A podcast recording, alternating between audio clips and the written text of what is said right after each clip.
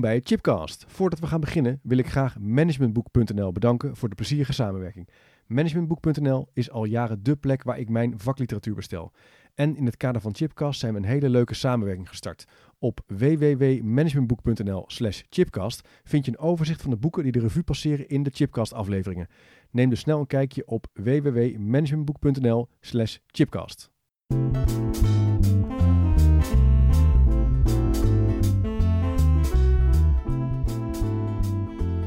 Welkom bij een gloednieuwe aflevering van Chipcast. Een programma waarin ik op zoek ga naar verrassende antwoorden en nieuwe perspectieven op vragen die mij bezighouden.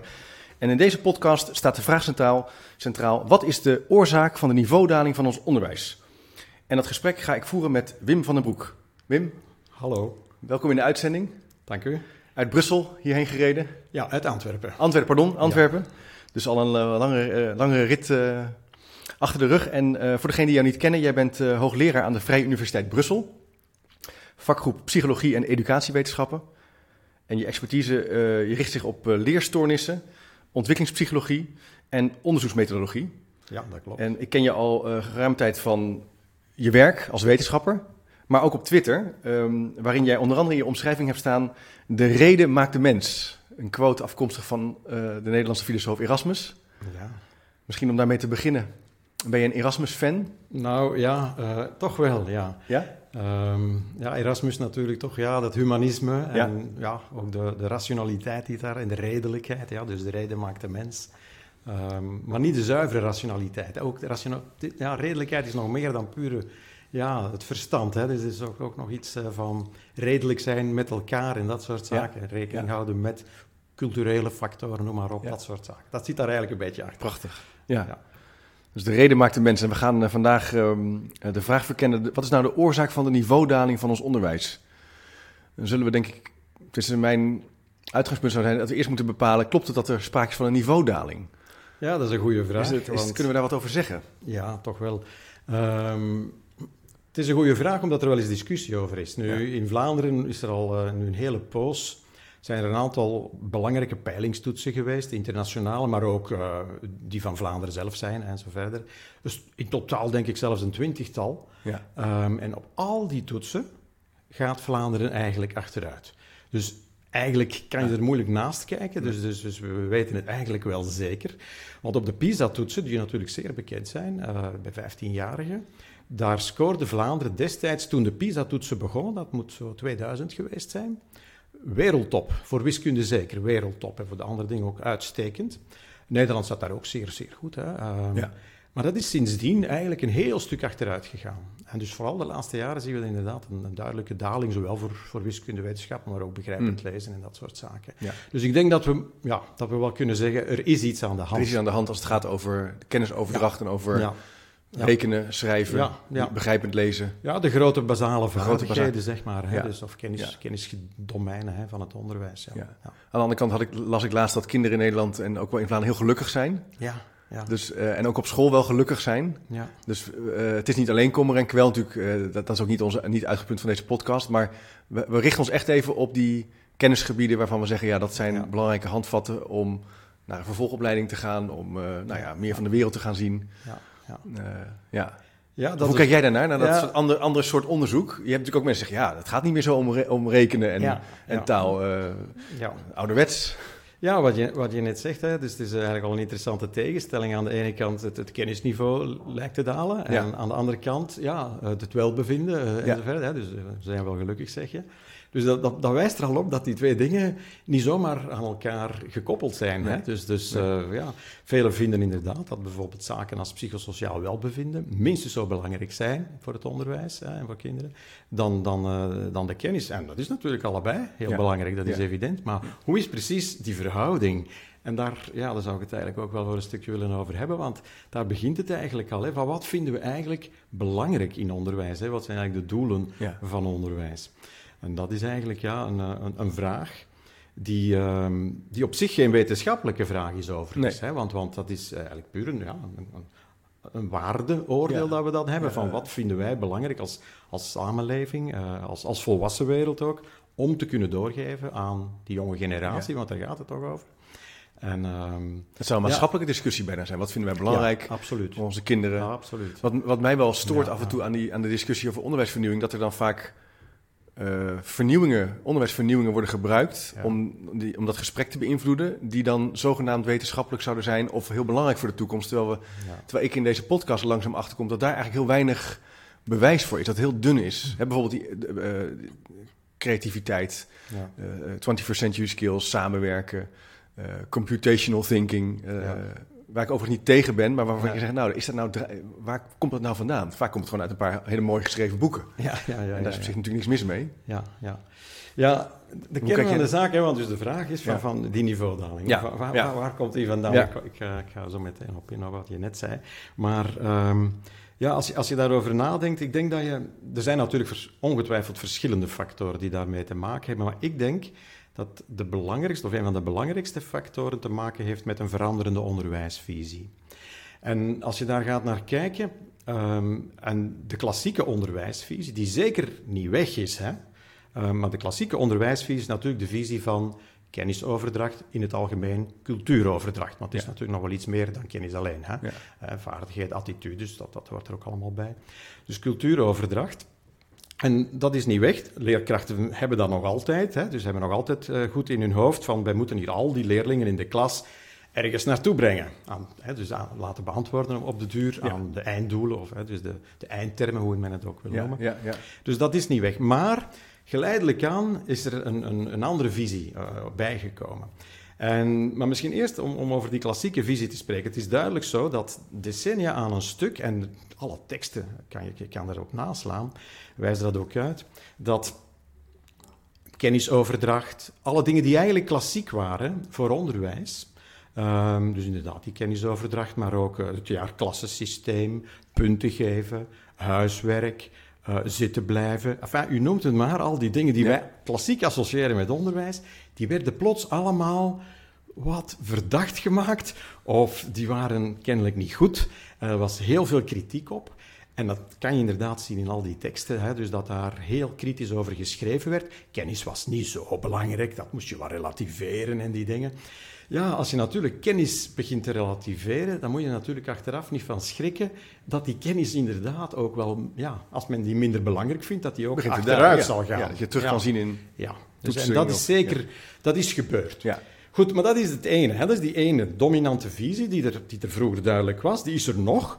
Maar er is iets naast gekomen, of voor een stuk ook in de plaats gekomen. En dat is een visie die ik zou willen omschrijven als ja, ingaan op individuele leerbehoeften of Ja. onderwijsbehoeften, Ja. zegt men dan. Ja. Ja, dus dat is, een, dat is een idee dat vroeger totaal afwezig was. Men was daar niet mee bezig. Ja, dus dat, dat, eh, dat Nee, hoorde je, je vroeger niet. Kan je kun je niet voorstellen bijna. Nee, voor mij, ik ben dus echt opgegroeid in individuele eh, school als een individuele plek waar je je route uitstippelt. Maar dat was dus vroeger, Ja. jaren zeventig.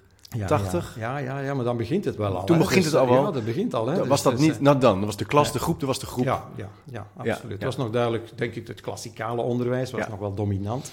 Maar stilletjes aan zie je die visie opgang maken. En die is altijd maar sterker en sterker geworden. En dan krijg je natuurlijk ja, die, daarmee gepaardgaande een, een sterke individualisering eigenlijk van het onderwijs. Want die visie die gaat onder een aantal bekende vlaggen. Hè. In Nederland denk ik eh, onderwijs op maat.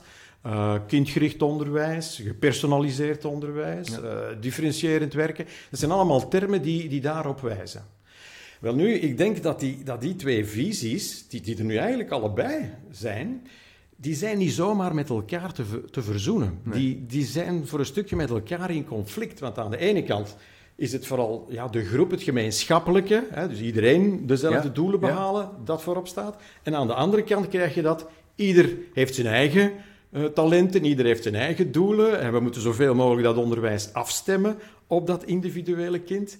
Ja, dat, dat, dat klopt iets niet. Nee. Alleen al puur ja, logisch kun je daar een aantal inconsistenties in zien. Hè? Bijvoorbeeld, als inderdaad hè, het individu de norm wordt, waarom zouden we ons dan zorgen maken om iemand die achterblijft?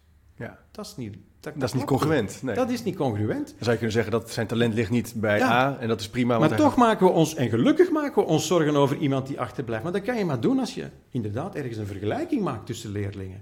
Als je zegt het individu is het ding, dan, dan vergelijk je alleen binnen het individu. Heeft hij heeft die leerwinst gemaakt en dat soort dingen? Dat is een heel belangrijk begrip nu ook geworden, leerwinst. Op zich niks op tegen, absoluut niet. Maar als, je, als dat het enige wordt, ja, dan, dan krijg je een heel ander discours natuurlijk Ja. in onderwijs. Hè? Ja. Hetzelfde, hetzelfde, ah, hetzelfde probleem met alles wat we ons zorgen maken over eh, gelijke kansen en zo verder. Hè? Sociale gelijkheid, ongelijkheid in het onderwijs. Ook daar impliceert het een vergelijking tussen leerlingen. Maar als het individu de norm wordt, dan maakt dat... Hè? Makes no sense. Zo, dus dat, dat is al iets heel vreemd.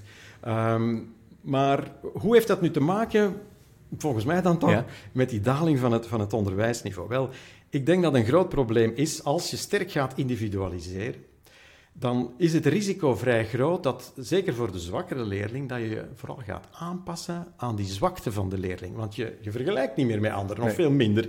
En dus die vergelijkingsbasis is op de achtergrond geraakt, die is wel weg.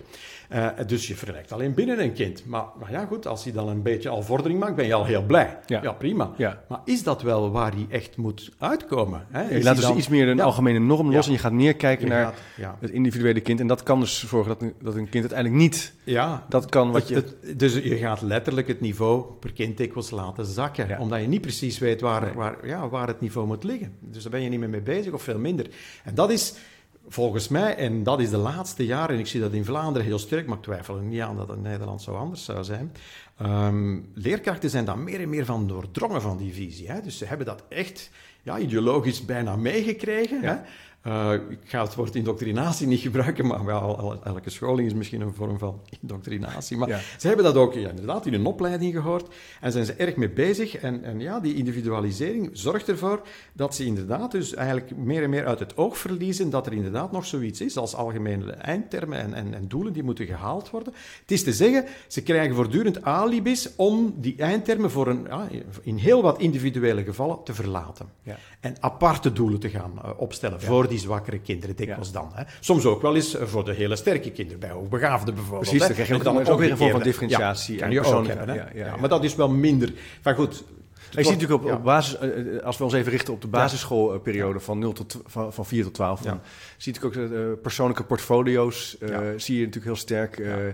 individuele leerroute bepalen, Ja. eh, talentgericht werken. Ja. Eh, Ja, al die dat is eh, Ja. ja. werk maken van je eigen creativiteit. Ja.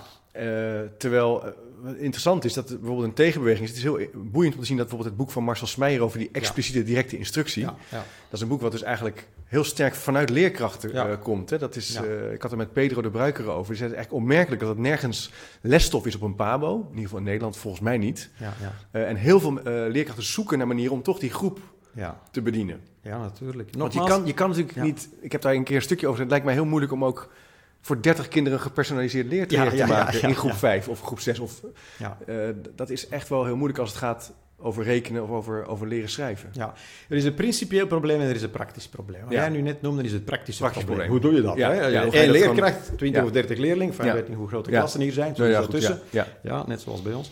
Ehm, ja, je, je kan wel een beetje differentiëren en individualiseren, maar dat, daar zijn grenzen aan, dat is evident. Maar als, al die roep, als die roep steeds sterker wordt en er ook steeds meer kinderen blijken te zijn met wat individuele, ja, apart, aparte dingetjes, probleempjes en zo verder, ja, dan, dan krijg je het niet meer behapt als leerkracht. Nee, hè? Dus dat, dan, dat dan, gaat niet. dan, dat, gaat, dat lukt. Ze lopen echt letterlijk, ja, met, ja ze staan met de rug, met de Ja, rug het zou heel goed kunnen dat die. Dus, de, die admi- ja. administratielast die leerkrachten ervaren, Ja, dat ook. die natuurlijk ook sterk gekoppeld is aan die individuele eh, komt daarbij. volgingssysteem. Komt daarbij. Dus dat zijn ja. ook weer praktische Ja, problemen vanuit een principieel discussie ja, ja. van twee dingen die niet commensurabel, die moeilijk met Ja, elkaar te ja, verenigen ja, zijn eigenlijk. Ja, ja, ja. ja ik, zei, ik zei net, er is een praktisch probleem, maar er is natuurlijk ook een principieel probleem. Hè.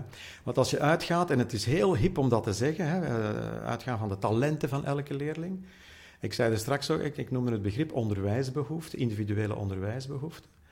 En dan zeg ik altijd, als ik daar college over geef ook, dan sta ik daar zo even bij stil met mijn studenten en zeg ik altijd, bestaat dat wel een individuele onderwijsbehoefte? Wat is dat? Wat bedoelt men daar eigenlijk mee? Bent u of u geboren, hè, of zijn, hè, is iemand geboren met de behoefte om te leren lezen? Om te leren rekenen? Nee, natuurlijk. Ja, Want dat zijn, Nee. dat, zijn culturele, ja. dat zijn culturele dingen, dat zijn artefacten, letterlijk Ja. culturele artefacten. Dus wij zijn daar niet mee geboren. Dus zo'n individuele onderwijsbehoefte, dat kan je niet zomaar bepalen. Talenten. Wie weet welke talenten had ik misschien nog wat, u eh, misschien nog weet ik veel wat. Maar die zijn nooit aangeboden en, en ja, dan weet je het ook niet. Kan je alles aanbieden in een onderwijs? Ja. Nee, natuurlijk. Dus dat- dat principe- Dient het onderwijs daarvoor? Ja, dat is, nog, de dat, vraag. dat is nog een, ja. Dat is de vraag. Ja. Ja. En vroeger zeiden we nee, hè, dus, dus onderwijs, daar spreken we eerst af met de volwassen wereld. Wat vinden we belangrijk genoeg om over te dragen? Ja. Je kan daar, moet daar een keuze in maken. Ja. Hè, rekenen vinden we belangrijk, lezen vinden we belangrijk. Denk terecht, allebei. Er zijn natuurlijk veel meer dingen nog. Eh, misschien iets met muziekeducatie, eh, wat handvaardigheid, dat soort dingen. Hè, dat kan er allemaal nog bij. Maar ja, ergens is het ook eindig natuurlijk. Maar dan spreken we met elkaar af. Maar als je natuurlijk denkt van, we moeten elk talent ontdekken. Ja. Ik zeg altijd, school is geen talentenjacht. Dat, dat kan je niet. Dat kan je niet waarmaken trouwens. Ja, welke, wat moet je dan allemaal aanbieden? Ja, Alles. gaat- er zijn zoveel dingen die de mensheid ooit... Dus die principiële Ja. discussie alleen al leidt tot een oneindige zoektocht. leidt tot... Ja. Misschien een ander punt wat, waar, waar ik nu aan moet denken, eh, is dat we leven natuurlijk ook sterk in een individuele eh, gerichte maatschappij. Eh, wat mij bijvoorbeeld opvalt als, het opvalt als het gaat over onderwijsvernieuwing, is dat er dan, je hebt bijvoorbeeld nu curriculum.nu in Nederland, en eh, de- om opnieuw de einddoelen en eh, kwalificaties eh, vast te gaan stellen, dat, dat, dat ook iedereen daarover mag mee gaan denken. Ja, dus dat ja. leidt eigenlijk tot een soort, dat individu- individualisme leidt tot dat iedereen mee gaat denken. En dat er allerlei sessies worden georganiseerd. Terwijl mijn vader is wiskundige. Ja. En ehm, die kan zich er dus heel erg over verbazen. Ik zeg niet dat hij de waarheid heeft pakken. Maar die zegt, nou, zou je niet gewoon met zes eh, wiskundigen moeten bepalen... wat je Ja. in groep vijf en groep zes Ja. gewoon zou moeten kunnen? Ja. Dat, dat, dat moet toch niet een heel dik boek zijn? Dat zou Nee, eigenlijk nee, nee. vier, vijf A4'tjes moeten kunnen zijn. Ja. En eh, is dat ook niet een doosje in een doosje, zeg maar? Dat je dus door, vanuit die maatschappij... dat je dus ook dat soort processen krijgt... Van constant met elkaar overleggen. Ja. Zie jij dat ook? Of, Ja, zeker. Eh, dat is een belangrijk punt dat je aanraakt, denk ik. Ehm, dat is eigenlijk de kwetsbaarheid van het onderwijs voor allerlei maatschappelijke Ja. hypes, dingen die nieuw zijn ehm, en zo verder. En alles zou in het onderwijs kunnen terechtkomen. Ja. Kijk maar naar elke maatschappelijke vraag die er is. Ja. Waar moet het opgelost worden? In eerste instantie in het onderwijs. Gezond Onderwijs eten, alles oplossen. onderwijs. Ja. Dat kan Meer water drinken, niet. onderwijs. Ja. Ja, Ja. dus, en destijds was dat veel duidelijker. Hè? Het onderwijs, we wisten allemaal waar, wat daar de bedoeling van was. Daar waren we het ook ongeveer allemaal toch ongeveer over eens, zal ik maar zeggen. En nu is dat veel opener. Ja, dat is opengebroken. Daar zitten misschien wel interessante dingen in. We moeten misschien Tuurlijk, ook wel eens ja, goed ja. nadenken Ja. over van, is dat nog wel belangrijk? Kunnen we misschien iets nieuws... Hè? Tuurlijk moeten we. De wereld verandert ook, vernieuwt zich ook natuurlijk. Dus er moeten ook wel nieuwe dingen in, uiteraard. Maar natuurlijk, je kan niet zomaar alles heel de tijd zitten veranderen. Hè? Dus dat, dat is... Ja, dan... dan Nou ja, daar raak je wel een kern aan. Want Ja. schoolleiders zijn echt constant bezig met verandering. Ja. Hè? Wat nu, eh, de integrale kindcentra, wat nu in Nederland op begint te komen. Veel schoolleiders zijn nu weer partnerschappen aan het zoeken met eh voorschoolse opvang. Op zich qua idee hartstikke mooi, maar een enorme werkdruk, werklast zet dat op Zeker. sommige schoolleiders. De- we stapelen het allemaal op die school. ja, op de duur is het eigenlijk vernieuwing om de vernieuwing. En vernieuwing is zeer goed, maar ik denk, en dat zeg ik, ja, dat, ja, dat heb ik ook altijd zo in een aantal teksten ook al beschreven. Ehm, onderwijs is denk ik altijd tegelijkertijd conservatief, maar ook progressief. Ja. Wat bedoel ik daarmee? Het conservatieve element, we hadden het er straks eigenlijk al over, dat is het, het, het, het moment dat we zeggen van, met, met de volwassen wereld, wat vinden wij nu belangrijk om over te dragen? Ja. Wat willen we conserveren van de cultuur dat voortleeft ha, in de jonge generaties? Dat is het conservatieve element. Het progressieve element, maar daar vergissen we ons volgens mij dikwijls in.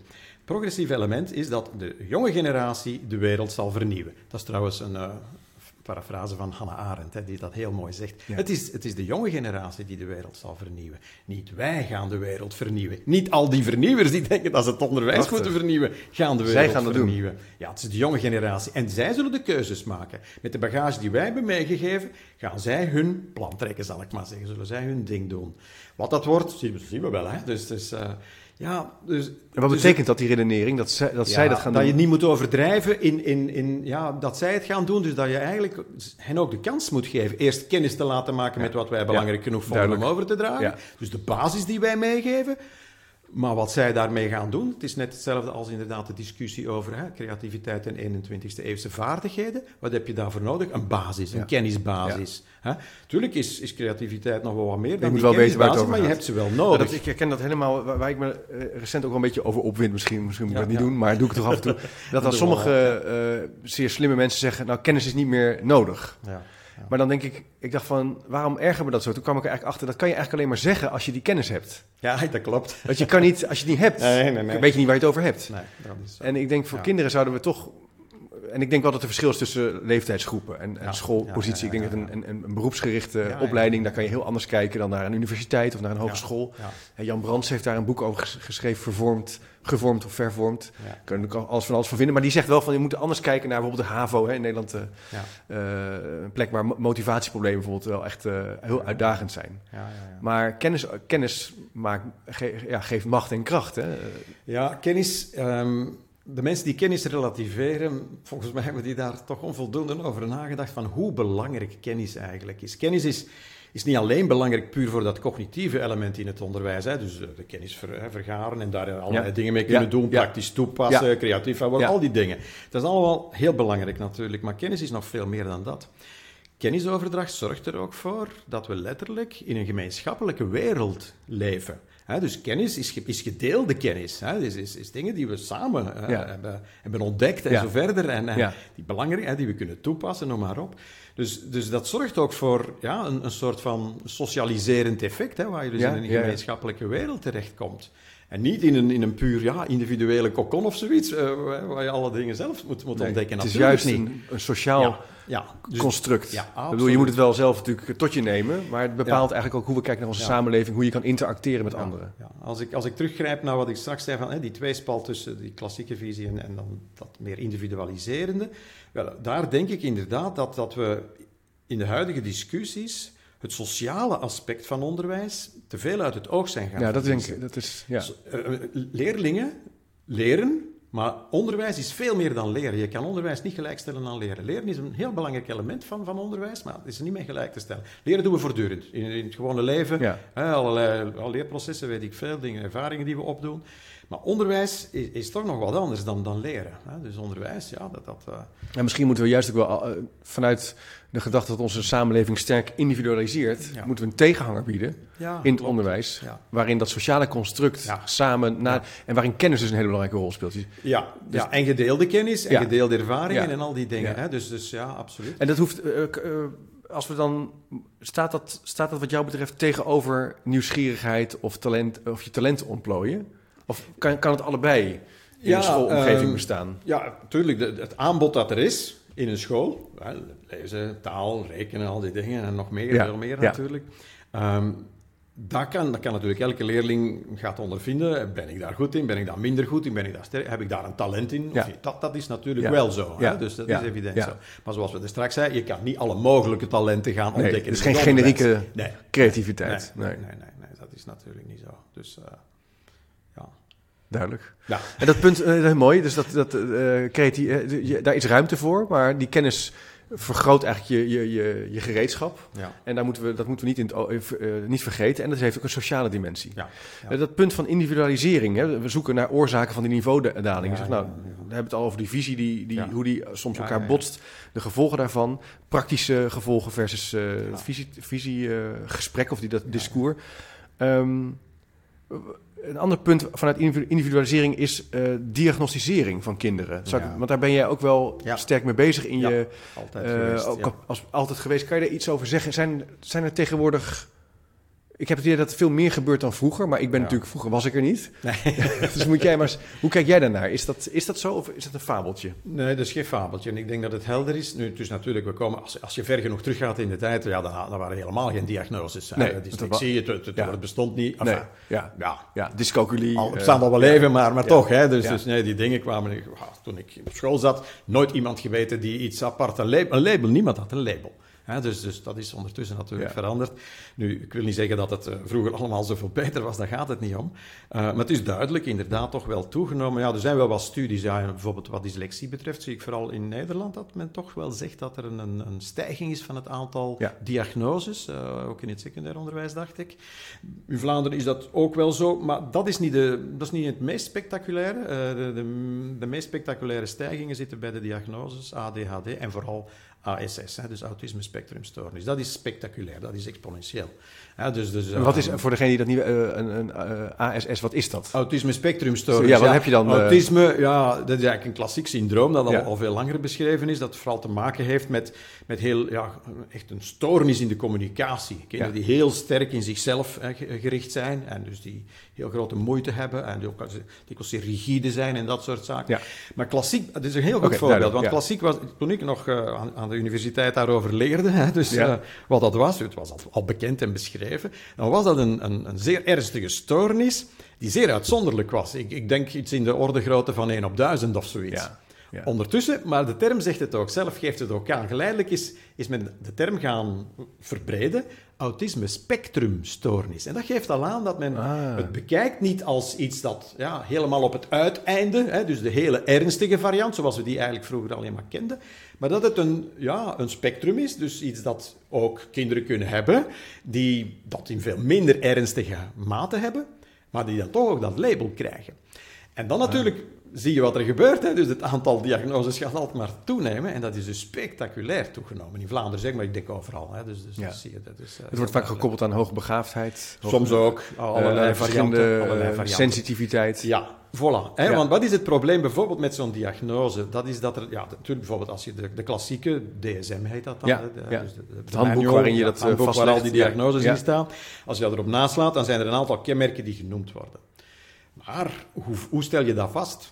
Hè, uh, bijvoorbeeld, ja, uh, bepaalde kenmerken, uh, weet ik, bijvoorbeeld wat ik straks zei, van Ja, gesloten zijn communicatie, gesloten communicatie, zijn en ja. dat soort dingen, hè, al die zaken. Ehm, hoe stel je dat vast? Ja, dat, dat, dat is trouwens een diagnose die meestal door een arts, ik weet niet of dat in Nederland geregeld is, maar ik denk het hetzelfde is, door een arts moet gesteld worden, maar psychologisch zelfs niet voldoende, toch niet in Vlaanderen. Um, ja, dat gaat natuurlijk via een gesprek met de ouders meestal. Uh, het kind wordt natuurlijk ook wel gezien en dat soort dingen.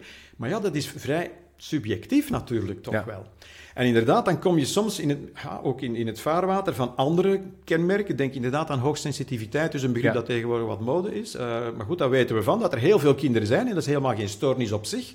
Dus uh, ik geloof 20, 25, ja, nee, 15 à 20 procent van de kinderen, ja, dus ja, ik ken de literatuur vrij goed, ik heb er ook onderzoek Ja, ja, naar ja, gedaan, ik merk het heel leuk. hebben, hebben hoogsensitiviteit. Uh, maar hoogsensitiviteit is niet hetzelfde als, als, als Nee. ASS. Nee. En toch zijn er gelijkenissen. En dan gaat heel dikwijls de diagnose die richting Kan je die kant op trekken? Ja, waarom ook? Waarom ook? Ja? Want dat is nu belangrijk. Met een diagnose kan je ook wel wat bereiken in het onderwijs. Dat is natuurlijk het punt tegenwoordig. Individueel gericht onderwijs. Je krijgt maatregelen, hè? dus op voorwaarde dat je een diagnose hebt en dat soort zaken. Ja. En dan krijg je eigenlijk ja, toch een soort jacht op diagnoses. Ja. En dat is natuurlijk niet gezond. Hè? Natuurlijk, het blijft heel belangrijk dat we de kinderen die echt problemen hebben, dat we die zo goed mogelijk Ja, helpen. dat her- herkennen- dat herkennen. natuurlijk Ja. evident. Ja. Staat, staat Nee, het is geen poging om ze... Nee, to- totaal niet. Juist niet Absoluut eigenlijk. niet. Maar we, hoe helpen we ze het beste? Dat is de vraag. Ja, nou, ik herken het. Het valt mij heel, heel erg op met ouders die ik spreek, maar met, ook met, met leerkrachten, dat, die, dat kinderen heel snel al, dat dat soort woorden vrij makkelijk worden gebruikt. Terwijl Ja, ik zou denken, ja, mij, ik ja. zie mijn kinderen in deze wereld, de wereld is overweldigend. Ja, ja, ja. Mijn kinderen komen ook moe thuis, vol van natuurlijk indruk wel. en vinden het af en toe Ja. complex en zijn dan gesloten of juist niet. Ja, klopt. Maar om dan meteen eh, naar een psycholoog, en dit zijn natuurlijk, zijn natuurlijk andere, soms zitten er ook opvoedproblemen achter, en Ja. sociale problemen. Ik heb eh, drie kwart jaar geleden een stukje geschreven over de, eh, de tests in Nederland over, eh, rondom hoogbegaafdheid. Ja. En dat was een stukje wat ik eigenlijk vrij eh, vlot uit de pen had eh, gekregen. Wat, als je kijkt eigenlijk online, kan je eigenlijk vanaf kinderen van 4, 5 al online Ja. een eerste indicatie krijgen of Ja. ze hoogbegaafd zijn of niet. Ja. En als ze niet kunnen stilzitten, staat er dan letterlijk als ze moeder contact maken, zullen ze waarschijnlijk wel hoogbegaafd, et cetera. Nou, daar schreef ik een stukje over. Ik ben echt geschrokken van de, van de heftige reacties daarop. Eh, ik zou, eh, ehm, want ook als, je, als ik daar als wetenschapper induik, zijn er echt wel een aantal kanttekeningen bij het plaatsen. Ik ben Ja. natuurlijk geen klinisch psycholoog, dus ik kan Nee. daar niet een oordeel Ja. over Ja. in die zin. Maar je kan wel duidelijk, als je literatuur ziet... Maar eh, het is, lijkt bijna wel of mensen ook zoeken naar manieren om in dat onderwijssysteem het beste eruit te halen. En soms ook wel terecht. Maar ook heel vaak dat ik denk, nou jongens, je hoeft niet een kind een klas te laten overslaan als, Ja. als het goed gaat. Verveling is niet direct een, een, een- slecht. Ja, ja, ja, ja, die verveling. Goh, ehm, ja, dat is eigenlijk relevant in verband met wat ik tevoren ook zei over de niveaudaling. Ja. Ik, ehm, ik vertel heel even over, over mijn eigen schooltijd. Het is lang Ah, geleden, ik ja. weet het, maar ik had, eh, ik zou zeggen, ja, toevallig eigenlijk zat ik in de klas en, en in andere klassen ook, met enkele mensen die eigenlijk achteraf toch wel, ja, zeer hoogbegaafd bleken te zijn. Maar de term bestond toen, Ja, hè, nee. nogmaals, bestond Ja. helemaal niet. Nee. Ja, echt genieën. Hè? Dus je zit er een hoogleraar wiskunde in de Verenigde Staten, eh, absoluut gemaakt heeft. Die verveelde zich helemaal niet in dat onderwijs. Hoe zou dat nu komen? Ah, Omdat dat onderwijs natuurlijk toch nog wel uitdagend genoeg was, ook voor hen. ja. Dus dat was helemaal... Ik heb nooit iemand... en Ik kende er veel hoor, dus achteraf is er is nooit iemand geweten die zich verveelde in Hoe het kwam dat onderwijs. Wel, omdat het, het, het, het niveau lag pak hoger. Dus als je het niveau- niveau... Ja, dus precies. dat, gaat samen met die niveaudaling. Ja, ja. Dus dat, het, het feit van die, die problematiek van hoogbegaafdheid en kinderen die zich vervelen hè, nu in het onderwijs. En dat is reëel, hè? Ja, ja, Hè, zeker. Dat is, dat is, Nee, geen, dat is dat ze verzonnen, hè? Nee, nee, die vervelen zich inderdaad en dat is een probleem. Door die niveaudaling. Natuurlijk, dat, dat, Ja. dat is een symptoom van die niveaudaling. Ja. En wat, ik ook, wat ik hier ook interessant vind, is ik zou denken dat een- leerkracht kan heel veel doen. Ja. Dus een leerkracht die eh, voldoende bagage heeft, goed die kinderen ziet, met een goede norm werkt, Ja, ja. kan kinderen natuurlijk wel extra werkjes geven, Ja. uitdagendere opdrachten geven. Daar kan je toch heel ver mee komen. Ik denk zeker dat er wel een groep is die echt hoogbegaafd is. Absoluut. Absoluut, ik ook. Ik, ken, ik ken een paar kinderen ja, die, die kunnen die vanaf een vijfde een andere taal lezen, denk ik. Maar, maar gewoon een, kinderen die gemiddeld slim zijn, vlot leren. Ja. Denk ik, nou, pas op. Want er zit ook iets in. ah, maar goed, misschien ver, ver ga ik hier nu te ver op door. Maar als laatste punt, dat we kinderen ook bepaalde namen en labels geven, als bijvoorbeeld topklas. Of, Ja. eh, eh, nou ja, je hebt natuurlijk die comedy-serie voor gehad, het onderwij- eh, de bloemetjes, de bijtjes of de Ja, woorden. Kinderen voelen dat, maar zeker. ouders voelen het ook. Ja, natuurlijk. Ja. En Ja, kijk, dit is, nu komen we weer op, op die tweespalt. Hè? Dus die, dat gemeenschappelijke versus dat individuele. ja, En ik denk ook, ehm, natuurlijk moet er ruimte zijn voor, voor individuele verschillen. In elke klas zijn leerlingen ook, ook verschillend, uiteraard. Maar dus de kracht van het jaar, want het jaarklassensysteem is zoiets dat inderdaad door een aantal ja, verguisd bijna wordt. Hè, van, van, daar moeten we vanaf. Moeten ja, leg het, kan je het heel even uitleggen? wat- wat je Jaarklassen daarmee- doorbrekend werken, zegt Ja, men dan wat tegen. bedoel je met Het jaar- jaarklassensysteem is niks anders dan het klassieke systeem. Precies, Waar ja. je in een klas zit, Ja. hè, dus met een bepaalde leeftijd, en dan ga je over naar de volgende klas. En, hè, dus En elke klas heeft bepaalde doelen. ja, hè, En dus dat- dat is het jaarklassensysteem. Hè, dus, ehm, maar dus tegenwoordig, ja, dat wordt een beetje hè, dus in vraag gesteld, nu meer dan een beetje in vraag gesteld. Maar ik denk net dat dat de, kracht van ons onderwijs eh, voor een heel stuk uitmaakt. Wat is het principe in een jaarklassensysteem? Dat is wat mijn goede collega's uit Leuven, Jan Machelijn en en Maarten Simons ook, noemen, de principiële gelijkheid. En wat is dat? Zo heb ik ook altijd een goede onderwijzer gezien. Hè? Die, die houdt daar rekening mee, de principiële gelijkheid.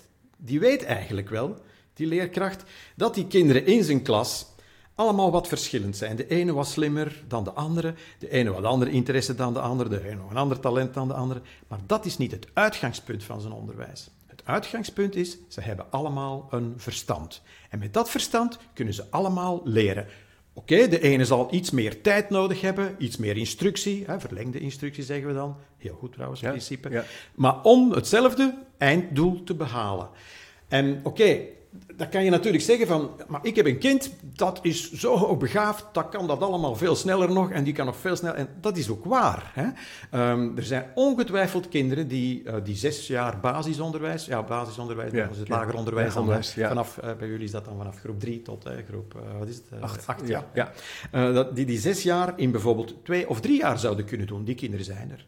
Maar dan is natuurlijk de vraag, is dat ook wel goed? Ja. Hè? Is, dat, is dat wat we willen? Nogmaals, vroeger was het geen probleem. Hè? Dus, dus, eh, want er is natuurlijk nog meer dan puur cognitief leren alleen. Hè? Ja. Dus ook het Ja, sociale waar we net over aspect. beginnen. Sociale, Ja, wat is eigenlijk, wel, wat vinden hè? wij goed onderwijs? Ja. is veel meer dan. Ja, is, is meer dan dat. Ja, Hè? ja. Nu, ik heb ook geen probleem, en inderdaad, hè, soms is het een goede maatregel om een kind een jaar eh, te laten overslaan. Dat dat kan. Soms een goede maat, als het echt, Ja. echt zodanig Ja. Ja. en ook voor de rest Ja. Mee kan en, en sociaal rijp is en zo verder, zal ik maar zeggen. Hè. Dus dan, dan kan je dat doen. Hè. Daar heb ik geen probleem mee. Hè. Of, of bepaalde activiteiten aan te bieden die extra zijn. Dat zijn natuurlijk, we moeten er op de een of andere manier mee omgaan natuurlijk. Hè. We zitten nu in het nu, we zitten niet meer zoals het vroeger was. Nee. Ik moet ook Nee. niet doen alsof Nee, we kunnen dat zeker Het is niet meer zoals vroeger. Nee. Hè. Nee. Dus, dus natuurlijk, onze instroom is ook diverser geworden en zo verder en zo verder. Dat zijn natuurlijk allemaal realiteiten waar we mee zitten. Dat maakt het onderwijs natuurlijk ook wel heel moeilijk. En in dat onderste boek daar, Ja. daar heb ik het eh, eigenlijk in, dat is nog maar pas geschreven, een hoofdstuk daarover. Dat is trouwens het thema van het hele boek. Ehm, ook al staat dat niet in de titel, want het is, eh, wat is het? eh, Spots op onderwijs. Spots op onderwijs, ja. Wetenschappers voor het voetlicht. Ik laat Ja. hem even in de titel zien. Ja, mooi. En ik ga met Lano regelen dat als je een reactie geeft op deze podcast, dan sturen we er eentje op. Prima. Toch? Ja. En dit, dit is dit boek. Sorry, ik, Ja, dit ja, gaat het, over, ja, Het, het overkoepelende thema is eigenlijk hoe gaan we om met gelijkenissen en verschillen in het onderwijs. En daar hebben we het nu net over. Ja, dat- hè. is een Dus- spannend dus, eh, gesprek. ja. En dat is inderdaad niet gemakkelijk. En het is moeilijker geworden dan vroeger. Want de klassen waren vroeger homogener, zeg maar, Ja. dan dat ze nu zijn. Cultureel, maar op alle vlak. Hè. Dus op alle vlak is, is er meer diversiteit in de klassen gekomen. Maar wat moeten we dan doen? Moeten we de vlucht vooruit nemen in de richting van steeds verder hollen in die individualisering? Ik denk het niet, want dan maken we de problemen eigenlijk alleen maar groter. En krijg je ook dat probleem van, dat probleem van de niveaudaling, maar niet alleen dat, ook die diagnoses, noem maar op. Ja, ja, ja, ja. Of kunnen we zoals vroeger doen? Dat gaat ook niet. Dus Nee. we zullen, we zullen iets ertussen moeten zoeken. worlds. We moeten op een verstandige manier zoeken om binnen klassen, en eventueel inderdaad met wisselende groepjes en dat soort dingen. Ja. Het gebeurt natuurlijk ja, al, hè? dat gebeurt. Eh, Groep maar 2 dat- en groep 3, ja. de peuters gaan dan een beetje meelopen bij groep 3. Daar worden hele goede resultaten mee. Ja, ja. Groepsopbrekend werk, wat je al zei. Ja, ja, ja. En je zou natuurlijk ook ehm creatieve, eh, als er meer ruimte zijn voor creatieve maakprojecten, gebeurt ook wel dat kinderen uit verschillende groepen samen iets gaan maken. Het Ja. zijn natuurlijk ook eh, Ja. interventies, zou je kunnen zeggen, waardoor je als school een school bent en samen Ja. bent en samen aan iets moois werkt. Maar dat zijn allemaal praktische en, en goede manieren, denk ik, om ermee om te gaan. Maar allemaal wel nog binnen het kader blijvende van de klas. Ja. En de principiële gelijkheid. En de principiële gelijkheid. En er mogen wat verschillen zijn, is geen enkel probleem. En, en, en het is goed dat de ene wat andere taakjes doet, de andere... en Oké, wat Ja. verlengde instructie krijgt, dat, maar dan blijf, blijf je wel binnen Ja. dat kader. En iets heel anders, en daar wordt tegenwoordig wel ve- ve- veel voor gepleit, we verlaten het kader. Maar dan vrees ik, houden we dan nog wel onderwijs zoals we het... Ja, dat, hou je dat concept nog? Want ik zei het straks al, onderwijs is ook kwetsbaar geworden hè, ten opzichte van allerlei invloeden. Ik bedoel, wij, wij denken misschien wel dat onderwijs het eeuwige leven heeft, maar misschien is dat helemaal niet zo. Hè? Als leren, als, als we zeggen, leren is, is het enige wat, wat hè, telt eh, in onderwijs wel. Dan gaan, denk ik, eh, dan gaat de, de, de, ja, dan gaat de bedrijfswereld het overnemen. Hè? Die gaan onderwijsmodules maken Ja, dat is, eh, eh, en zo verder. Zeker. Moeten we dan nog naar school? Dat gebeurt natuurlijk al wel met Ja. uitgevers, maar bijvoorbeeld ook eh, grote commerciële partijen die Ja. apps maken. Ja. eh, Ja. Waar mijn kinderen overigens ook eh, Ja. op spelen, moet ik eerlijk zeggen. Ja, natuurlijk. Ja, ik, was, ik, ben, ik ben recent ik was een keer bij een lezing van een grote hogeschool. En dat was een heel groot softwarebedrijf. Ja. En die waren groot fan van gepersonaliseerd leren. En die hadden ook een, een business proposition, zoals dat dan heet. Ja, Waarin ze zeiden, wij kunnen die kinderen eigenlijk individueel ondersteunen. Ja, En eh, als je die filmpjes ziet, dan denk je super gaaf. ja, ja. ja. Maar je voelt, ik voelt ook aan dat daar iets anders aan de gang is. Al is het maar dat zij natuurlijk shareholders hebben en eh, gewoon ook winst moeten maken. Ja.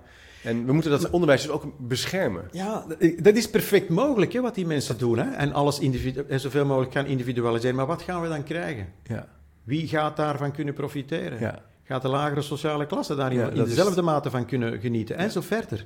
Hè, dus Ja, dat is natuurlijk... Voor ja. mij is, een, is een, wel een inzicht uit dit gesprek dat die individualisering, die ook wel maatschappelijk gaande is, effecten begint te hebben op het Tuurlijk. schoolsysteem. Tuurlijk. Dat dat grote druk zet. En, en degene die de rekening betalen zijn de kinderen die misschien net wat meer uitdaging hebben. In termen van, van de, de problematiek van sociale ongelijkheid, daar wordt dikwijls eh, gesproken over ja, eh, structuren. Hè? Dus vroege selectie, late selectie, al dat soort dingen. Dat speelt ongetwijfeld wel een rol. Maar ik denk dat die individualisering die we nu meemaken en met daarbij gepaard gaande die niveaudaling, dat is sociaal gezien een veel zwaarder probleem. Hè? Ik bedoel, wie is daar de, in de eerste plaats de dupe van? Dat zijn kinderen die de de lagere sociale klassen en zo verder, hè, dus die minder cultureel kapitaal hebben thuis, die zijn veel meer afhankelijk van een goede scholing Ja. dan leerlingen die thuis ja, eigenlijk heel veel zouden Ja, kunnen meekrijgen, die bij manier van spreken door hun ouders zouden kunnen Nee, dat is natuurlijk een punt. onderwezen worden. Kijk, als, wij, als je Ja. wordt voorgelezen en je, en Ja. je krijgt af en toe, we doen af en toe wat rekenen thuis Ja. en je gaat naar een Ja, museum, kan ja, dat doen, hè? kan je heel veel doen. Maar als je dat Ja. niet ziet Ja, of niet als hebt, je tijd hebt. En, je hebt geen tijd Ja, of je hebt een drukke baan. Ja, hier sprak Marcel Smeijer ook al over met rekenen. Hij zei de kinderen die de dupe worden van Tuurlijk. dit soort... Ja, ja. Nou, dit, dan komen we misschien op een ander punt van die onderwijsideologie. Ja, ja. Ehm, is dat eh, dus het idee dat we weglopen met bepaalde visies op onderwijs die misschien eerder een ideologie zijn? Op Ja. zich dus al wel houtsnijden van een soort ideaalbeeld. Ja, ja. Nu, dat is, Hoe dat kijk is jij heel daar- interessant. hoe kijk jij Ja, daarnaar? Ja, dat is heel interessant. Eh, want dikwijls is het zo natuurlijk dat in die onderwijsdebatten, in Vlaanderen heb je dat ook, dan worden de experts gevraagd. En dat zijn dan de academici, de wetenschappers. Ja. En die hebben natuurlijk het aureool van wetenschap. Ja, hè, dus die weten het. Ja. Nou, het is te zeggen. Ehm, ik zeg altijd van, kijk, wetenschap kan ook maar een, een, een specifiek aan een soort vragen beantwoorden. Wetenschap gaat eigenlijk alleen maar over de feiten en de relaties tussen de feiten, oorzakelijke relaties eventueel tussen de feiten. Daar is wetenschap fantastisch in, daar is ze voor gemaakt, daar is ze goed in. We hebben niks beter dan dat om dat te kunnen doen. Maar als het over onderwijs gaat, dat is, gaat over heel andere vragen ook. Ja. Bijvoorbeeld als we ons maar gewoon de vraag stellen van wat is belangrijk genoeg om over te dragen, wat zijn onze onderwijsdoelen? Dat is geen wetenschappelijke vraag. Daar kan de wetenschap eigenlijk geen donder over zeggen. Dus met andere woorden, ideologie is essentieel voor onderwijs. Je kan niet buiten ideologie. Als ik er straks zei van, je hebt die klassieke visie, dat is een ideologische visie. Je hebt die andere visie, individueel, dat is ook een ideologische visie. Ja. Wat kiezen we? Ja. Ja, dit is een maatschappelijk debat. Ja. Dat, dat kan je niet op een wetenschappelijke basis beslissen. Wat de wetenschap wel kan, is als je zou zeggen van kijk, we kiezen voor die visie en bijvoorbeeld we willen dat en dat aanleren, dan kan de wetenschap wel zeggen, bijvoorbeeld op, graas- op, op basis van de cognitieve en de leerpsychologie, Ja. kijk, dan kan u best die principes volgen, want dan gaat de leerling sneller leren of beter leren en dat soort zaken. Dat natuurlijk wel. Mooi, het is niet Dat is een- een duidelijke afbakening, hè? Mooi, dus je zegt van wetenschap kan daar geen, Nee, gesprek, eh, geen uitspraak over doen. Het is wel belangrijk om maatschappelijk met elkaar te Ja, kiezen voor een ideologie ja. die mogelijk ook wel... Die coherent is Die coherent en, die we met, met elkaar voldoende ja, draagkracht heeft, zegt men dan. Hè? Ja. Dus waar we de- toch zoveel mogelijk mensen het een beetje over eens zijn. Ja. Maar dat blijkt dus altijd maar moeilijker te worden. Dat eens zijn over wat is het belang van onderwijs. En daarom, ja, ik denk ook wel, onderwijs voor mij heeft een waarde op zich. Dat, dat is een waarde in zich eigenlijk. Hè? Dus het feit dat we... ehm, ja, het woord school is daar ook een belangrijke term in, hè, dat we school maken. Ja, ja, met, met, prachtig, hè, ja. Hè, dus dat kinderen ook fysiek naar een gebouw gaan waar mensen zijn die iets gaan vertellen over de wereld, inderdaad, want daar gaat het over. Hè, dus zoals ik er straks al zei, die zelf hè, met z'n allen hebben nagedacht van wat zullen we hier eens even vertellen. Ehm, en dat dan inderdaad ter sprake komt, ter tafel komt. Ja? En oké, daar, daar, nemen dan die leerlingen kennis van en dan zullen zij dan het hunne mee doen. Zoals ik er straks zei, zij zullen op basis daarvan de wereld vernieuwen. Maar goed, dus dat is een, dat is een concept, dat is oud natuurlijk. Hè. Scholen bestaan al heel, heel lang. Ja. Maar toch, ja, eh, de manier waarop ze nu bestaan, hebben ze ook niet altijd bestaan natuurlijk. Hè. Vroeger had je dat ook, het individueel, hè. dus de gouvernantes en zo verder. Hè. Precies. Individueel onderwijs, dat was alleen voor de happy few. Alexander de Grote kreeg Ja, les van, eh, bijvoorbeeld. van filosofen. Ja, en dat ja was natuurlijk- bijna één op één. Hè. Dus, eh, ja, ja, dat was heel sterk. in. Dat is wel leuk, ja. Dat was mega gepersonaliseerd. Ja, ja, ja. Ja, ja, en langzaam natuurlijk eh, gekoppeld aan onze economie. Natuurlijk hebben we langzamerhand natuurlijk scholen, of ja, ook voor volwassenen, die gingen dan naar trainingen. En dan moest je dan leerde je nieuwe omgaan met machines, et cetera. En nu hebben we, ja, ja, ja. Mooi, dus dat was niet, ja, mooi. Dat is een interessant antwoord over die ide- ideologie. Het heeft een plek, niet in de wetenschap. Ja, ja. En we hebben ze allebei nodig. Hè? Dus ik denk dat, eh, en het is ook belangrijk dat we beseffen dat, dat, eh, ja, dat er een soort spanning is tussen de beiden. Ja, ja, ja, dus ja, is een soort kloof. Je kan die niet zomaar. De wetenschap mag niet zomaar eh, het hele leven, maatschappelijke leven en het onderwijs is daar een stuk van inlijven. Dat kan men niet. Misschien- het is Wit- juist, Wittgenstein heeft dat heel, heel helder gezegd. Hè? Als alle wetenschappelijke problemen zijn opgelost, dan zijn de levensproblemen niet eens aangeroerd. Ja. Ik denk dat dat een diepe waarheid is. Die trouwens niet alleen voor onderwijs eh, van toepassing is, hè, maar voor veel andere domeinen ook van Ja. toepassing is. Nou, misschien is dat juist dat discours tussen die, de dialoog, de discussie tussen de ideologie en de wetenschap. Dat zouden we veel meer kunnen gaan voeren. Ja, dat is ook Eh, wat we moeten doen. Publiek met Ja. elkaar een gesprek Voeren. eh, hè, wat Hannah Arendt ook zei. We moeten die ruimte beschermen.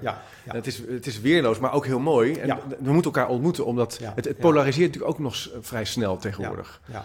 Wat mij ook opvalt maar over wetenschap, dat, ik weet niet of je dat herkent, is dat we proberen wel stiekem in de wetenschap, in ieder geval in de bedrijfskunde waar ik dan uitkom. Ja. Eh, ik heb dan onderzoek gedaan naar leren in organisaties. Mhm.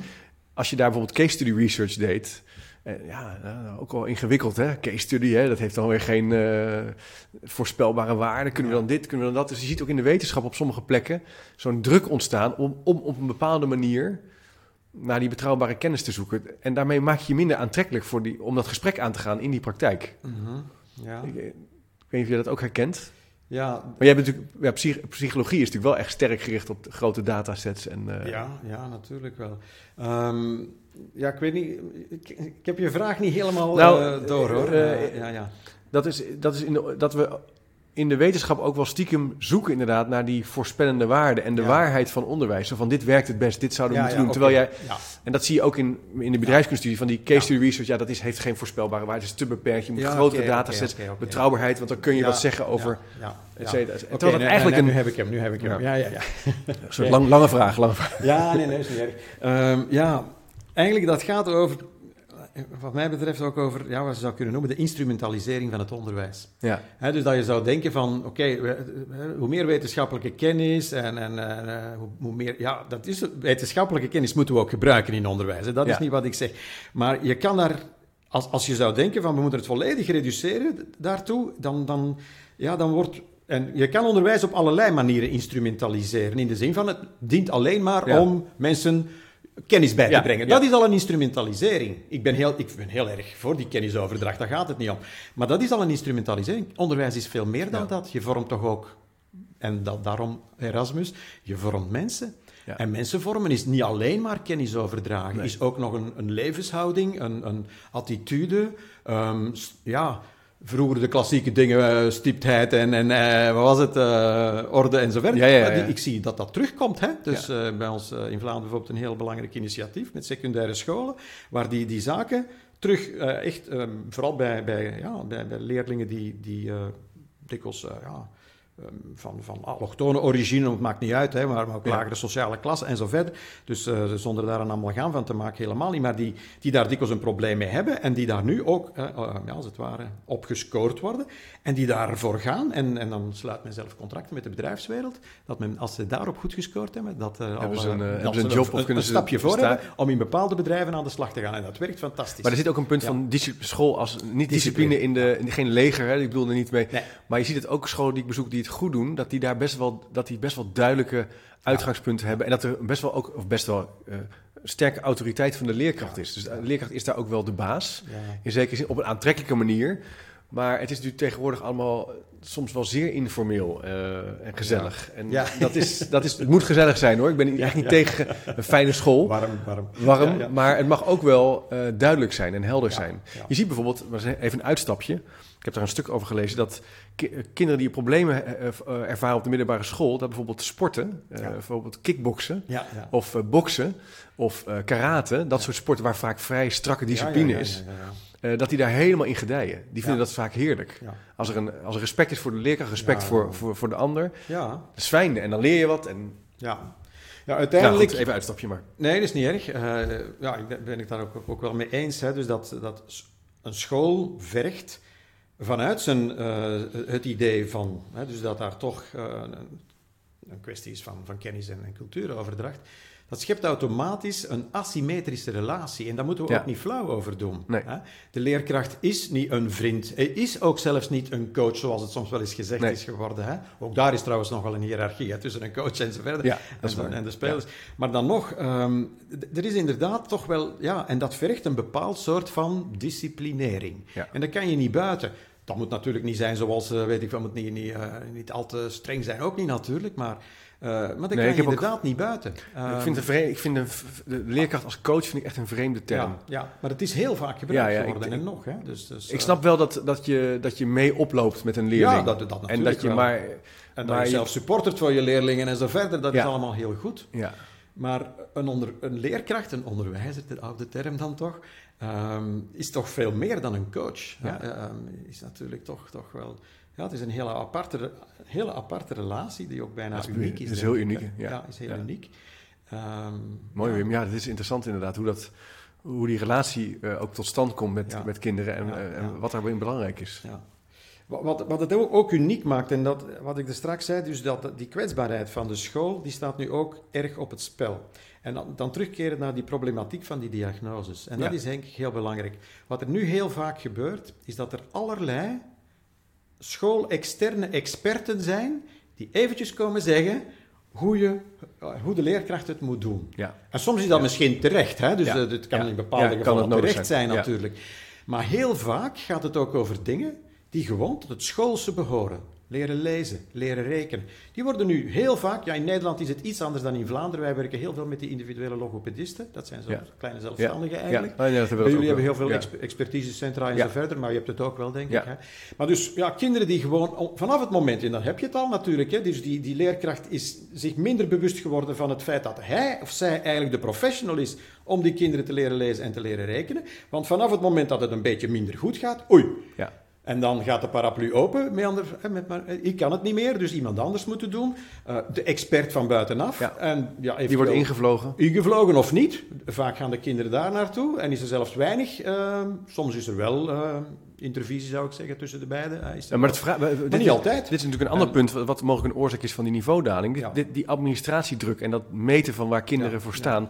zorgt voor ontzettend veel afstemmingsmomenten, gedoe, maar ook onrust in de klas. Want eh, je ziet het op scholen, waar, ik kom op scholen waar het ook niet goed gaat, dan zie je vaak dat daar constant mensen zijn. Ja. Zo'n klas wordt, er wordt naar binnen gelopen, naar buiten gelopen, terwijl rust en structuur... Rust is, rust is er, belangrijk. geen, er moet één leerkracht... Rust is belangrijk en ook regie is belangrijk. Die Precies. leerkracht is eigenlijk degene, is de regisseur. En nu moet die arme leerkracht eh, de- na, de, na de school en de ouders nog spreken en die Ja. drie, vier experts spreken Allemaal. die dan weer een testje hebben gedaan. Ja. En eh, ja, dat, dus dat... En het, het grote probleem volgens mij is dat dat enorm ondermijnend werkt voor het zelfbeeld en het zelfvertrouwen van de leerkracht. Want uiteindelijk ja, krijgt hij altijd maar de boodschap van... Eigenlijk ben jij niet echt de expert. Eh, Er zijn allerlei andere experten die het veel beter weten dan jij. Ah, ja, en ja. Soms wordt kan constant- het wel eens, ik zeg het niet. Je, je kan bijvoorbeeld niet in alles natuurlijk. Nee. Als het echt een spe- heel specifiek en ernstig probleem is, Ja. is het natuurlijk goed dat er een expert is en dat je een keer... Ja, dus uiteraard, Maar goed, eh, gekoppeld aan gebeurt loslaten... Ja, het, ge- eh, het gebeurt te vaak. En gekoppeld aan het loslaten van die collectieve norm... Ben je eigenlijk vatbaar voor dat soort wegen. En dan heb je ook nog eens ouders die daar natuurlijk feilloos de route in Absoluut, weten. Want die willen ook het beste voor hun kind. Die willen allemaal het beste voor hun kind, hè? dus ik kan die ouders het niet verwijten. Nee. Maar dat heeft wij, wij hebben dus ook, denk ik, een hele belangrijke taak, de overheid ook, maar ook de onderwijswereld, om ouders daar goed over te informeren. En dat doen we eigenlijk niet goed. Nee. Bijvoorbeeld over de problematiek van dyslexie of dyscalculie Nee, en al die, al die diagnoses. Wat is dat nu eigenlijk precies? Ja. En eigenlijk zijn dat allemaal variaties. Hè? Bijvoorbeeld leesvaardigheid is niks anders dan, hè, daar kan je op variëren. Ja. Van heel zwak tot heel goed enzovoort. Is daar nergens een magisch punt waar dat er ergens kan gezegd worden, nu ben je dyslectisch of niet. Dat is Nee. eigenlijk een niet-wetenschappelijke kwestie, zeg ik altijd, waar je, dat, waar je die grens legt. Hè? Ja. Dat, dat, dat is niet zo, dat kunnen we niet. Tuurlijk is het zo, er zijn er hè, die echt daar heel veel moeite mee hebben. Maar hoe, hoe, hoe pak je dat aan? Ja. Ja, goed onderwijs in de eerste plaats. Ah, Want wat doen die zogenaamde specialisten, denkt u? Net hetzelfde. Die gaan ook nog eens wat oefeningetjes doen. Tuurlijk. Ja. Die doen niks anders. Nee. Dus dat, maar dat kon de leerkracht toch ook doen? Ja. En als je Nou, dit zou wel een pleidooi zijn, denk ik, eh, als we, dat, als we die kentering, hè, als we het willen, de, een niveaudaling naar een niveauverhoging willen inzetten. Dat ouders ook misschien een grotere rol kunnen spelen. Niet dat we ze meer moeten betrekken in school, maar wel dat ze meer weten over onderwijs, meer betrokken worden. Valt mij altijd op als we dan, de, we hebben af en toe van die ouderavonden. Eh, hoeveel ouders, we hebben, ik zit, onze kind zit op een Montessori school. Ja, ja, ja. En ehm, ik vind het een ontzettend leuke vorm van onderwijs. Het heeft wel eh, schaduwkanten, maar Ja. veel ouders weten eigenlijk helemaal niet hoe die materialen eruit ziet, wie die mevrouw was, Ja. eh, hoe wordt gekeken naar instructie. En, eh, maar ook ouders betrekken in de tuin onderhouden, eh, Ja, voorlezen. ja, ja. Dat zijn denk ik hele belangrijke dingen. Die school, aan de ene kant moeten we die school de school laten. Ja. En die, maar we kunnen wel natuurlijk een breder netwerk eromheen bouwen. ja, precies omdat we een beetje kwijt zijn van wat was dat nu eigenlijk? Waar doen we eigenlijk? Ja. School Ja. en onderwijs. Het is niet En vorm moeten we met z'n allen terug bespreken en inderdaad ook met ouders. Ja. En duidelijk maken van kijk, dat is onze visie. Hè, kunnen jullie daar Ja. in vinden en zo verder. eh, en want, want wat je nu krijgt is het omgekeerd. Dat is een beetje die medicalisering en de medische wereld. Ja. Met de, de- wat ik ook wel de therapeutisering van het onderwijs noem. ja, hè. dus waar- waar dus voortdurend allerlei mensen, ja, het, het, hè, die specialisten eh, eigenlijk hun specialisme hebben. En terecht, daar gaat het niet over, maar dat is iets anders dan onderwijs. Ja. En af en toe, oké, als het echt een ernstige stoornis is, uitzonderlijk is, dan wel. Maar we doen dat... eh, eigenlijk de zin voor, voor, ja, voor normale variatie is verdwenen. Vanaf het moment dat er nog maar ietsie pitsie, weet Ja. ik veel wat, Ja. zou fout kunnen lopen, hop, label, Ja, en dan zoeken we naar dit soort. En dan is het een expert en ja... En ehm, daar moeten we mee ophouden, denk ik. Wim, zo in, de- in deze podcast verkennen we een aantal eh, variabelen die eigenlijk verklaren waarom eh, de niveaudaling eh, gaande is. Hè? Ja, ja. Kunnen we hoopvol eindigen? Wat, zijn, wat is de weg omhoog? Ja, ja. ja, dat is een goede vraag. En ik denk dat het een vraag is waar nu ook veel beleidsmensen mee bezig zijn. hè. Ja, we hebben pas in. Vlaanderen een nieuwe, een nieuwe regering. Ja, precies, dat is een deze week. Onderwijsminister, pas gisteravond bekendgemaakt. Dus... ehm, ja, en je merkt inderdaad dat ja, in veel landen is de discussie volop gaande. Hè, van, van eh, ja, oké, we hebben een probleem. Hè, dus die, die, die kenniserosie is overal kennelijk wel aan de gang. Dus we moeten wat. Eh, ja, ik zou zeggen op het eerste gezicht, het, het- is het ook niet zo moeilijk. Je zou zeggen, overal moet de lat terug omhoog. Ja, dat is het makkelijke antwoord. Hè? Dus, maar hoe Maar goed, je- belangrijk punt. Hoe leg je dat? Ja, het is we een belangrijk lat, punt. de lat omhoog leggen. Ja, en dat gaat, dat gaat heel veel problemen oplossen. Hè? Ja. Ook, ook, eh, ook qua verschillen en zo verder. Dat, eh, ja, noem maar op, die diagnoses, al wat je wil. Dat is er allemaal gunstig voor. Maar natuurlijk, wat is daarvoor nodig? Ik denk inderdaad in eerste instantie een grondige, wat, wat wij nu aan het doen zijn met, met ons twee, een grondige discussie voeren over onderwijsvisies. Ja. Maar ook wel met het doel om ergens uit te komen. Ja, Hè? ja. Eh, en dat het ook gedragen kan zijn. Ja, Ja. ik weet hoe moeilijk het is, ook in Nederland. Hè? Heb je daar onderwijs 2013? Eh, wat was het? Eh, nee, bedoel je? Of uh, Curriculum, onderwijs.2030? ja. 2030? Ja, elke- 2000, ja, ja. En dan straks is het... Niet, dus al verder. ik heb het ooit in een managementboek visieverslaving genoemd. Het, idee dat we, dat het ook heel fijn is, met name mensen die verder weg staan van het primaire proces, die hebben het vaak over een visie. Dat Ja. komt omdat ze het werk niet doen Ja. en een vorm van overzicht willen hebben. Van als Ja. we nou maar die kernwaarden hebben, Ja, ja, ja, ja. nou, dan wordt het weer rustig. Ja. En ik denk, het is ontzettend- we komen er eigenlijk achter. Het is heel belangrijk, ideologie, visie. Ja. Maar we, we moeten wel ergens uitkomen. We moeten ergens uitkomen. Ja, ja. Ja. En dat is de vraag, hè. lukt Ja. dat nog? Hè? Ja. Slagen we daar nog Ja. in, on- in onze spannend, postmoderne samenleving? Want dat is het geworden, hè? postmodern, dat is niet, niet voor niks. Hè? Dus dat, dat, dat, dat, heeft, ja, dat drukt al uit dat we twijfels hebben bij de moderniteit. En de moderniteit is nog altijd ja, dat idee van redelijkheid en, en die kennisoverdracht en al die dingen. Dus ja, lukt dat nog? Uh, ja, ik denk dat het moet lukken. Hè? Ik bedoel, als het niet lukt... Waar gaan we eindigen? Dat is, ja, ik, ik, ik wil daar wel optimistisch over zijn, maar zeker weten doen we dat niet. Hè, waar, Nee, waar we het is wel een spannende weg dus. Ja. De- aan de ene kant denk ik, ja, dat alle tijden zullen dat een beetje aan, eh, ja, in zich hebben natuurlijk. eh, ja, er zijn altijd vernieuwingen, maatschappelijke veranderingen, die, ja, die dan uitdagend zijn, zeggen we tegenwoordig. Ja, dus eh, dat is ook zo. Ehm, en het zal wel ergens natuurlijk een oplossing moeten krijgen. Maar ik hoop toch ja, dat, dat het inzicht toch weer... En ik, ik heb ook wel de indruk dat dat nu volop terug bezig is. Ja. Er is eigenlijk ook altijd in de geschiedenis een soort van slingerbeweging Ja, geweest. Is ja. er altijd wel een beetje Ja. geweest. Hè? Hè, van aan de ene kant heel veel vertrouwen ook hebben in de groeikracht van het kind. En het moet allemaal vanuit het kind komen. En dan, en dan een beetje van als reactie. Nee, nee, nee, we moeten er toch een beetje in wat regeltjes schieten en wat, wat strakker. En dat, dat zie je altijd wel een beetje...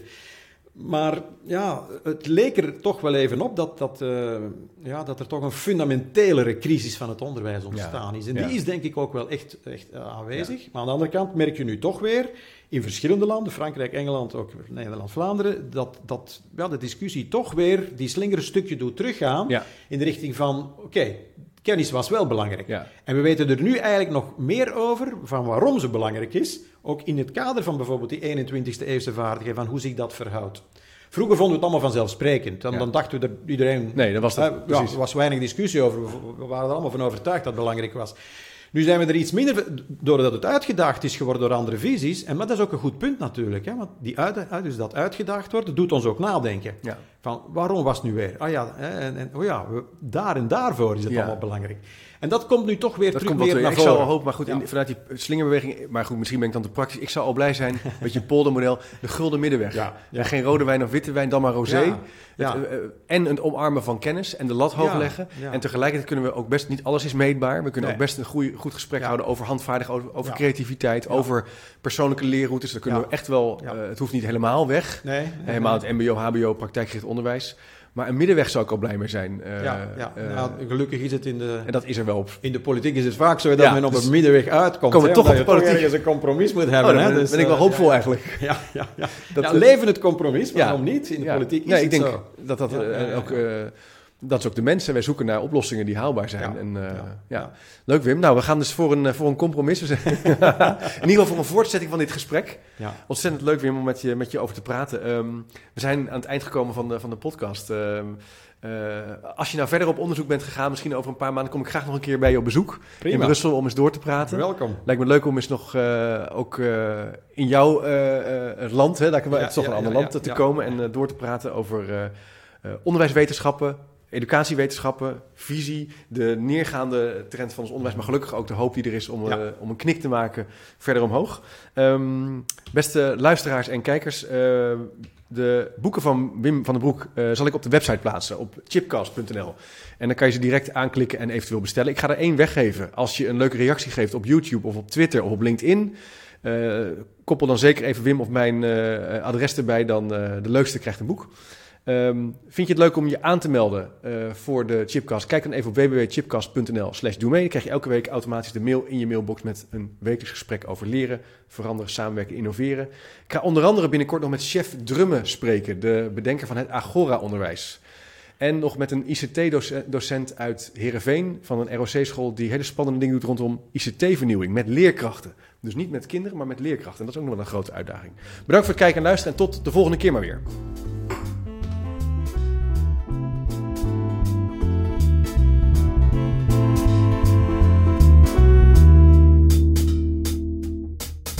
Thank you.